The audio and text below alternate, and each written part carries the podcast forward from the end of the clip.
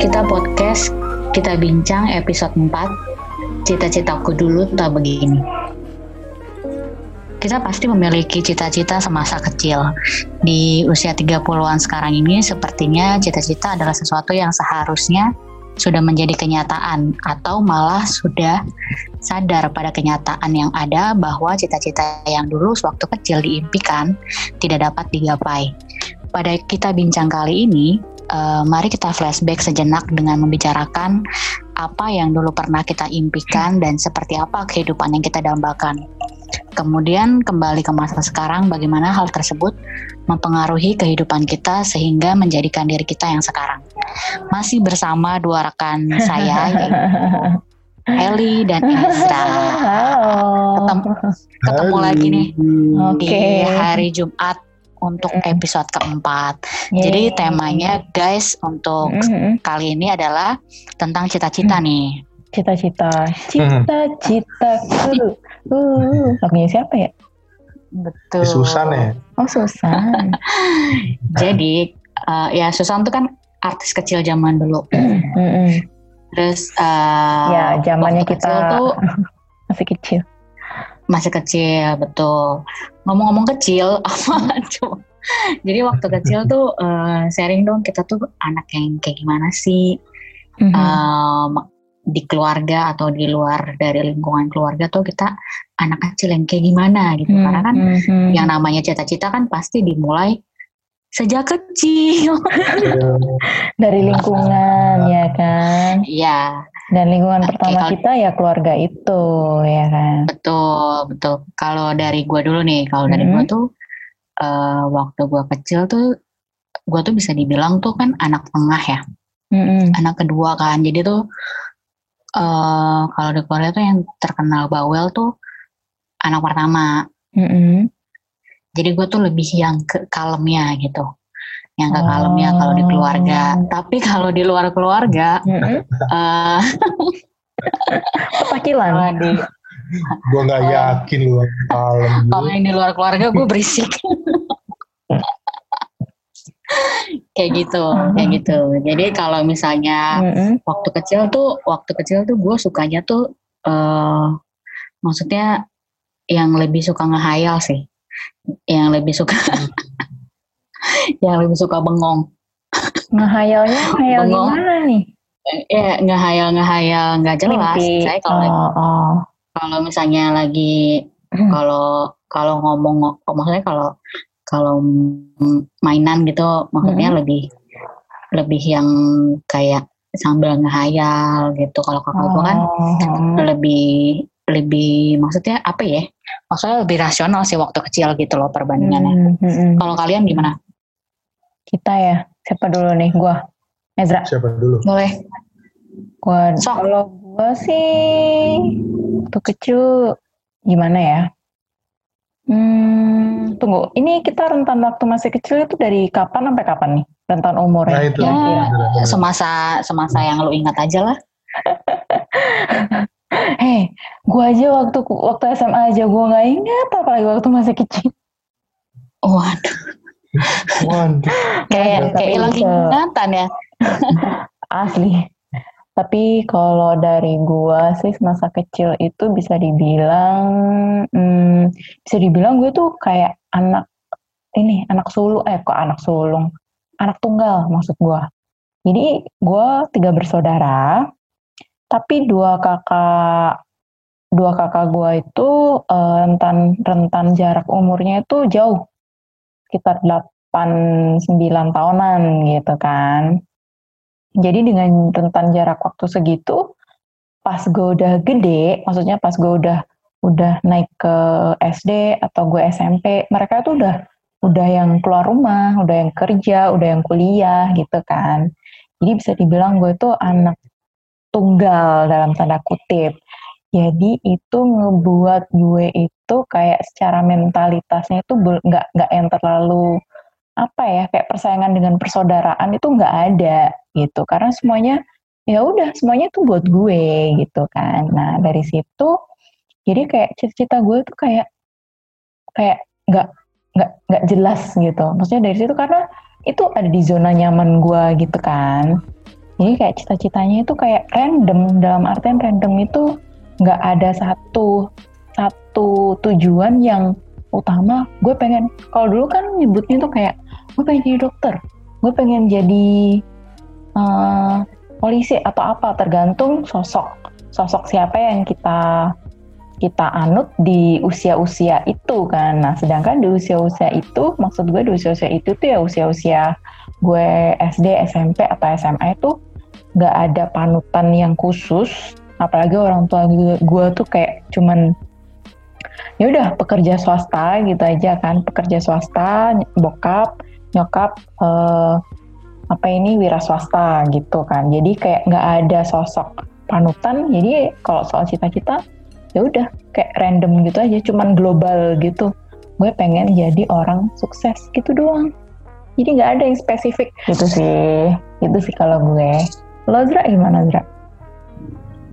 Uh, kalau gue secara pribadi sih nggak ada yang spesifik, cuman kayaknya gue uh, sohipan nama si Susan kali ya.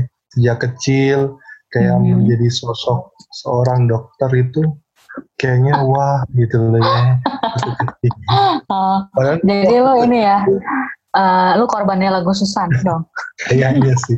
Gue inspiring gue dalam waktu kecil. Gak apa-apa Zra, asal jangan cita-cita lu mau jadi Susan. Susah, gak bisa. Gak itu dah. Gue jadi ini dong, saingannya dia. Gitu. Nah itu. Oh, gitu.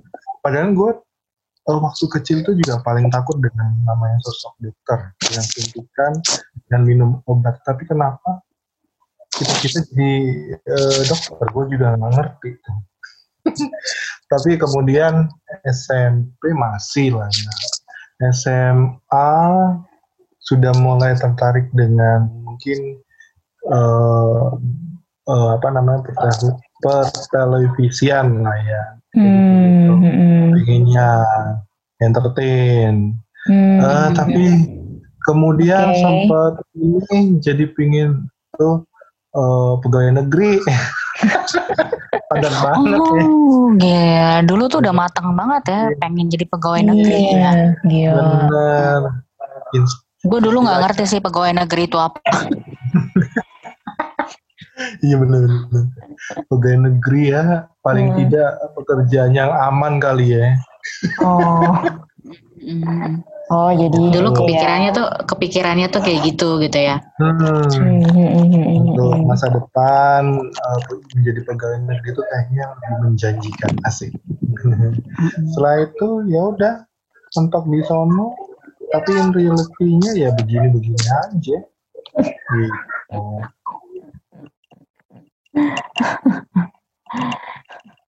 Jadi itu kayak ada sosok sosok apa ini namanya sosok contoh gitu nggak sih atau atau atau gimana? Uh, mungkin karena uh, setiap fase ketika SMP mm-hmm. kemudian SMA kenapa bidang pertelevisian ya suka aja gitu loh dengan hmm, apa ya bekerja di balik layar hmm. kemudian membuat satu konsep hmm. atau apa judul hmm. ingin buat apa gitu sesuatu yang hmm. unik hmm. acara apa apa kemudian habis itu hmm. ketika kuliah kok kayaknya jadi PNS enak ya begitu begitulah istilahnya pengaruh dari mungkin saudara-saudara hmm. yang sudah menjadi pegawai oh mereka bisa sukses nih jadi pegawai hmm. jadi hmm. jam apa mungkin pegawai BUMN kali ya lebih basah nah itu kayaknya lebih menjanjikan gitu menjadi pegawai pemerintah hmm. ya itu sih oke okay. terus jadi kan uh, tadi udah sharing jadi kalau cita-cita gue sendiri sih berubah-berubah. Dari dari waktu kecil banget sih kalau dari SD tuh pengennya jadi guru. Terus pas begitu SMP tuh gue uh, SMP akhir-akhir lah ya mau udah mau SMA tuh gue kepikirannya tuh uh, mirip-mirip kayak Ezra tertarik sama yang namanya broadcast. Uh, tapi gue masuknya IPA terjadi terjadi terjadi kegalauan ya kan pergelutan gitu kayaknya minat sama bakat tuh kok nggak ketemu gitu model-model yang kayak gitulah dulu hmm. tuh uh, hmm. pergelutan cita-citanya tuh. Nah terus uh, sekarang kita balik ke masa yang sekarang nih, hmm. guys. Hmm. Kalau untuk yang di kehidupan sekarang tuh uh, kalian kayak gimana? Dikaitkan dengan cita-cita yang hmm. dulu ya, yang waktu hmm. kecil. Hmm. Kalau gue sendiri sih, kalau gue sendiri tuh, kalau yang sekarang uh, ya beberapa persen sih sebenarnya uh, bersinggungan juga karena dulu tuh pas waktu SMA tuh suka sama yang namanya eh, event-event jadi panitia hmm. panitia kegiatan tuh gue suka gitu hmm. dan uh, dan sekarang ini pekerjaan gue juga berhubungan dengan dengan event-event juga hmm. gitu. jadi uh, kalau buat gue pribadi sih uh, masih nyerempetnya tuh yang modalnya kayak gitu tapi kalau hmm. untuk dari sisi akademis sih sudah pasti berbeda kalau kalian gimana? Hmm, jadi masih kayak berhubungan gitu ya lu ya? Dengan cita-cita pas kecil ya? Iya, kalau gue sih uh, ya kalau gue ya gimana sih? Kalau sekarang sih lebih ke realistis aja sekalipun itu hmm, dihubungin sama cita-cita yang waktu masih kecil, hmm, apa ya kalau bisa dibilang realistisnya aja sih, maksudnya masalahnya udah udah nggak udah nggak bisa lagi nyambung ke cita-cita semasa kecil, jadi kalau sekarang lebih ke realistis realistisnya itu kayak ya apa yang ada, apa yang bisa dikerjain, kesempatannya di mana, Gitu sih. Itu. Kalau lu Zra? Gimana? Uh, gue sih nggak uh, ada beberapa bukan ke ke tempat pekerjaan ya jadinya ya mungkin ke bagian mungkin uh, ada sisi di mana kegiatan bergereja kali ya lebih ke jadi nggak harus di pekerjaan tapi di hmm. tempat lain yang iya iya uh, uh. kreatifan gue di sono kan ada ada ada passion juga kan hmm. Gitu. Jadi uh, kalau uh, gue ada ide atau apa mungkin ada punya masukan ya mungkin gue masukin di pekerjaan gue sih sebenarnya nggak ada yang berhubungan dengan dokter atau gitu-gitu. Apa namanya yang gue cita-citain? Di bidang pertelevisian atau entertain itu nggak ada. Cuman ketika gue ada di kegiatan gereja gue bantu bantu dalam bidang mm-hmm. mungkin bikin konsep kali ya konsep apa mungkin dalam satu event gue oh gimana kalau dibuat seperti ini gimana seperti ini gitu itu aja sih mm-hmm. Oke, okay.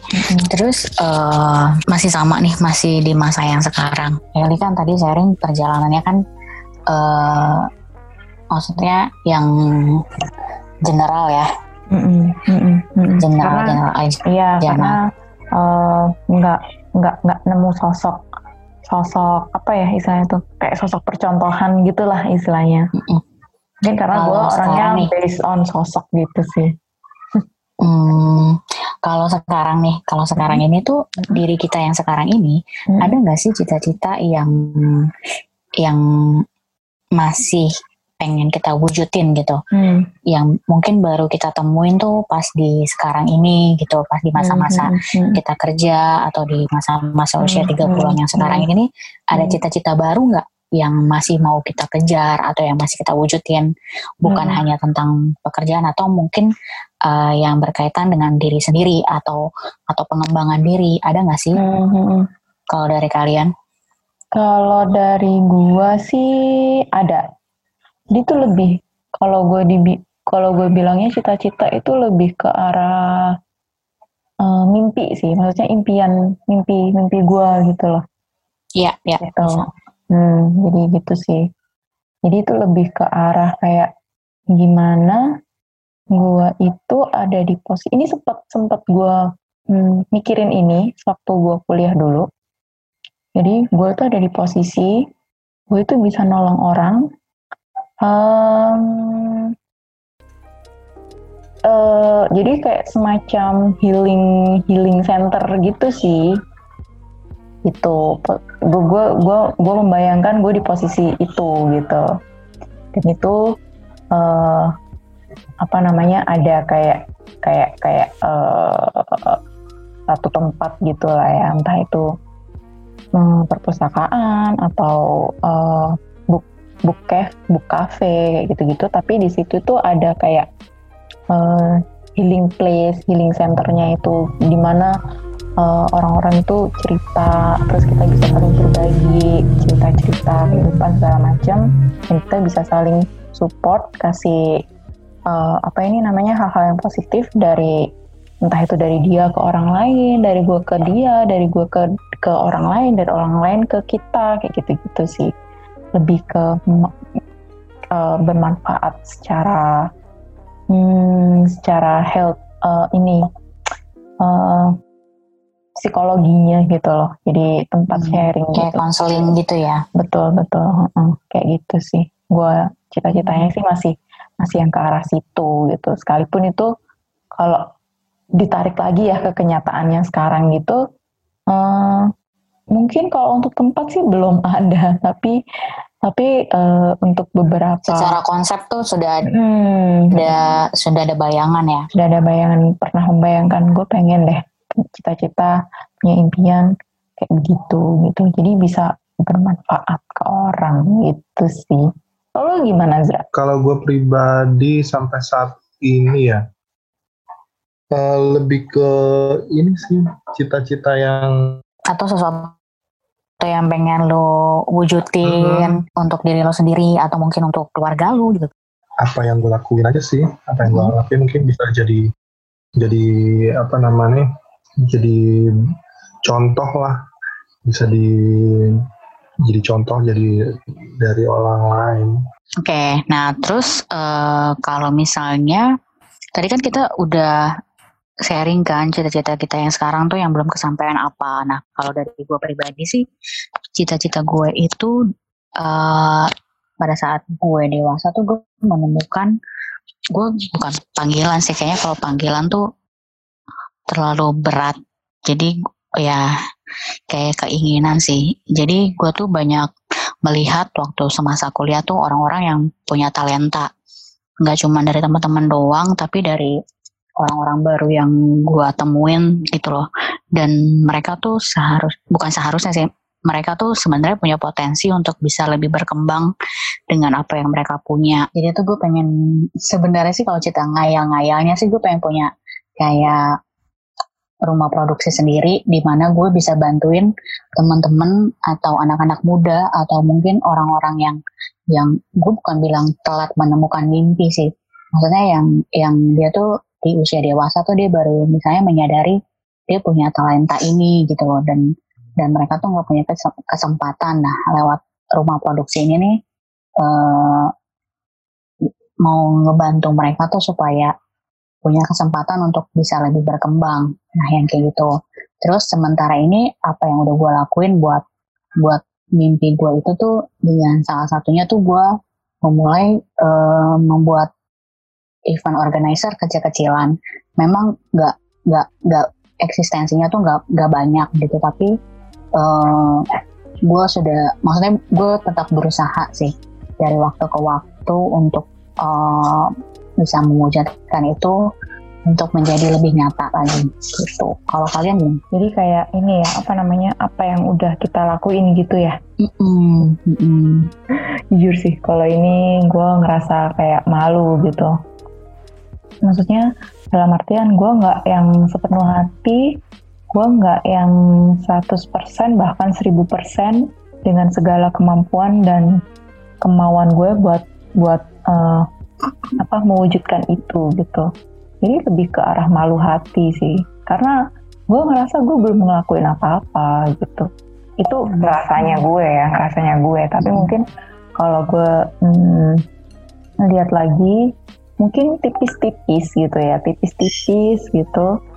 Um, apa namanya kayak uh, eh, gue partneran sama saudara gue uh, buka usaha apa warung kafe kecil-kecilan gitu. Ya kayak dimulai dari yang namanya tempatnya dulu gitu. Um, apa namanya ah kalau tempat mungkin mungkin sudah. Maksudnya itu tapi kalau secara konsepnya kayak dari yang bayangan gue awal tadi itu dari yang mimpi gue tuh kayak masih jauh banget. Tuh tuh nggak nggak nggak nggak kayak gitu gitu kan. Tapi sementara ini istilahnya tuh kalau gue balik lagi gue flashback lagi kayaknya ini hmm, kayak entah itu cikal bakal atau bisa jadi motivator gitu motivator kecil yang akhirnya bisa mewujudkan ke cita-cita besar gue yang tadi itu gitu sih kalau gue sih masih yang ke arah situ. Kalau Eza, lo gimana lo Eza? Kalau gue sih lebih simpelnya mengarah ke ini sih ke pelayanan ya ketika mm -hmm. gue disuruh uh, untuk membuat konsep, mungkin disuruh buat eh ada ide atau tidak tentang mungkin event uh, ketika ada event Natal atau apa, mungkin pasca, eh konsepnya mau dibuat apa nih kayak gitu sih. Jadi walaupun tidak ada di dalam di dalam pertelevisian bisa juga di, melalui layanan gitu. Nanti musiknya dibuat kayak gimana nih? Nanti song list untuk song listnya apa nih? Gitu gitu sih. Ngasih ngasih ide-ide di situ-situ. Kemudian uh, ada beberapa contoh juga mungkin uh, mungkin dari apa yang gue dapat apa yang gue ini kan apa yang gue dapat dalam uh, mungkin dalam media media media elektronik ataupun media pertelevisian juga yang inspirasi gue juga bisa gue masukin di situ situ sih mm, mm, mm, itu hal-hal kecil seperti itu aja sih kalau gue Oke, kalau gitu uh, kita sampai pada kesimpulan nih dari pembicaraan hmm. kita malam ini.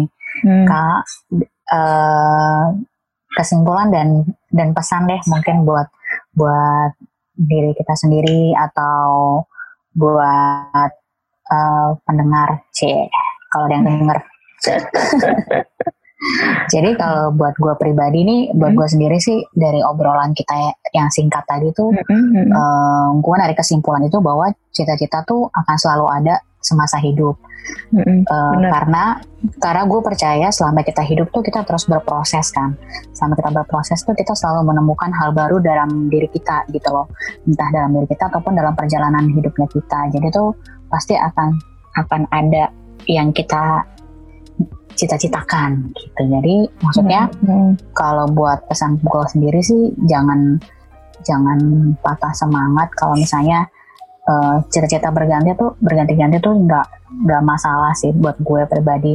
Jadi yang penting tuh uh, kita mengenal diri kita sendiri hmm. dan kita memahami tujuan tujuan kita hidup tuh apa gitu balik lagi ke situ sih kalau buat mm -hmm. pribadi kalau mm -hmm. dari kalian gimana satu sisi gue setuju sih maksudnya bukan satu sisi maksudnya gue setuju dengan pernyataan lo tadi itu yo kalau gue bisa nambahin uh, ada beberapa orang gitu kan cita-cita itu based on sosok gitu kan ada sosok yeah, yeah. yang ada di sekitarnya mereka gitu dan itu sebenarnya nggak apa-apa juga kalau menurut gue karena itu bisa jadi kayak mm -hmm motivas motivator gitu kan buat diri ya, kita. inspirasi. Uh, uh, inspirasi gitu. Bukan berarti kita kayak nggak punya lu nggak punya pegangan lu nggak punya pendirian gitu. Hmm, enggak sih copycat gitu.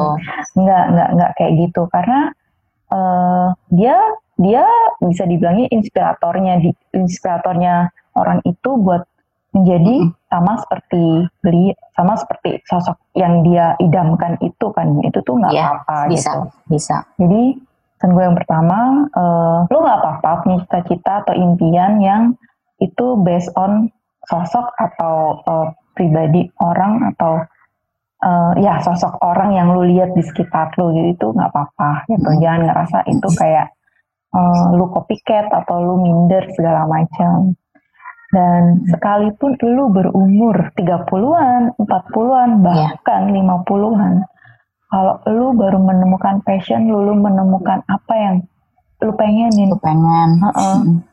istilahnya kayak gitu itu tuh itu juga nggak apa-apa itu juga masih cita-cita lu gitu hmm. jadi nggak ada kata terlambat ya betul nggak ada kata terlambat selagi lu masih hidup itu hmm. itu itu masih masih bisa lu raih gitu ke apa namanya sedown atau setidak mendukungnya lo, eh, lingkungan di sekitaran lu, bukan berarti lu nggak bisa hmm. mewujudin mimpi lu atau mewujudin cita-cita lu tuh enggak gitu. Jadi sekalipun misalnya ya, lu ada di antara uh, rumput, tapi lu pengen jadi uh, bunga mawar misalnya, itu tuh bukan berarti lu nggak bisa kayak gitu kayak gitu sih jadi uh, jangan jangan patah semangat buat kita kita semuanya uh, apa pun yang kita semua ya lo gue uh, kalian kita gitu yang kita impikan kita pengenin bukan berarti sekalipun kita udah umur segini ah itu kayaknya cuma mimpi kosong deh nggak jangan pernah bilang kayak gitu kita masih bisa kok buat buat ngewujudin itu itu sih yang mau gue bagikan gitu. Oke. Okay. Hmm. Terakhir dari Ezra. Uh, kalau gue cita-cita itu penting ya. Cita-cita penting karena itu adalah tujuan hidup sih. Jadi ketika target hidup juga ya. Jadi ketika kita mm -hmm. menjalani hidup mm -hmm. itu kan pasti uh, kita perlu target supaya kita nggak ambil, supaya kita nggak nggak membawa, uh, ya itu nggak nggak ke mana-mana gitu.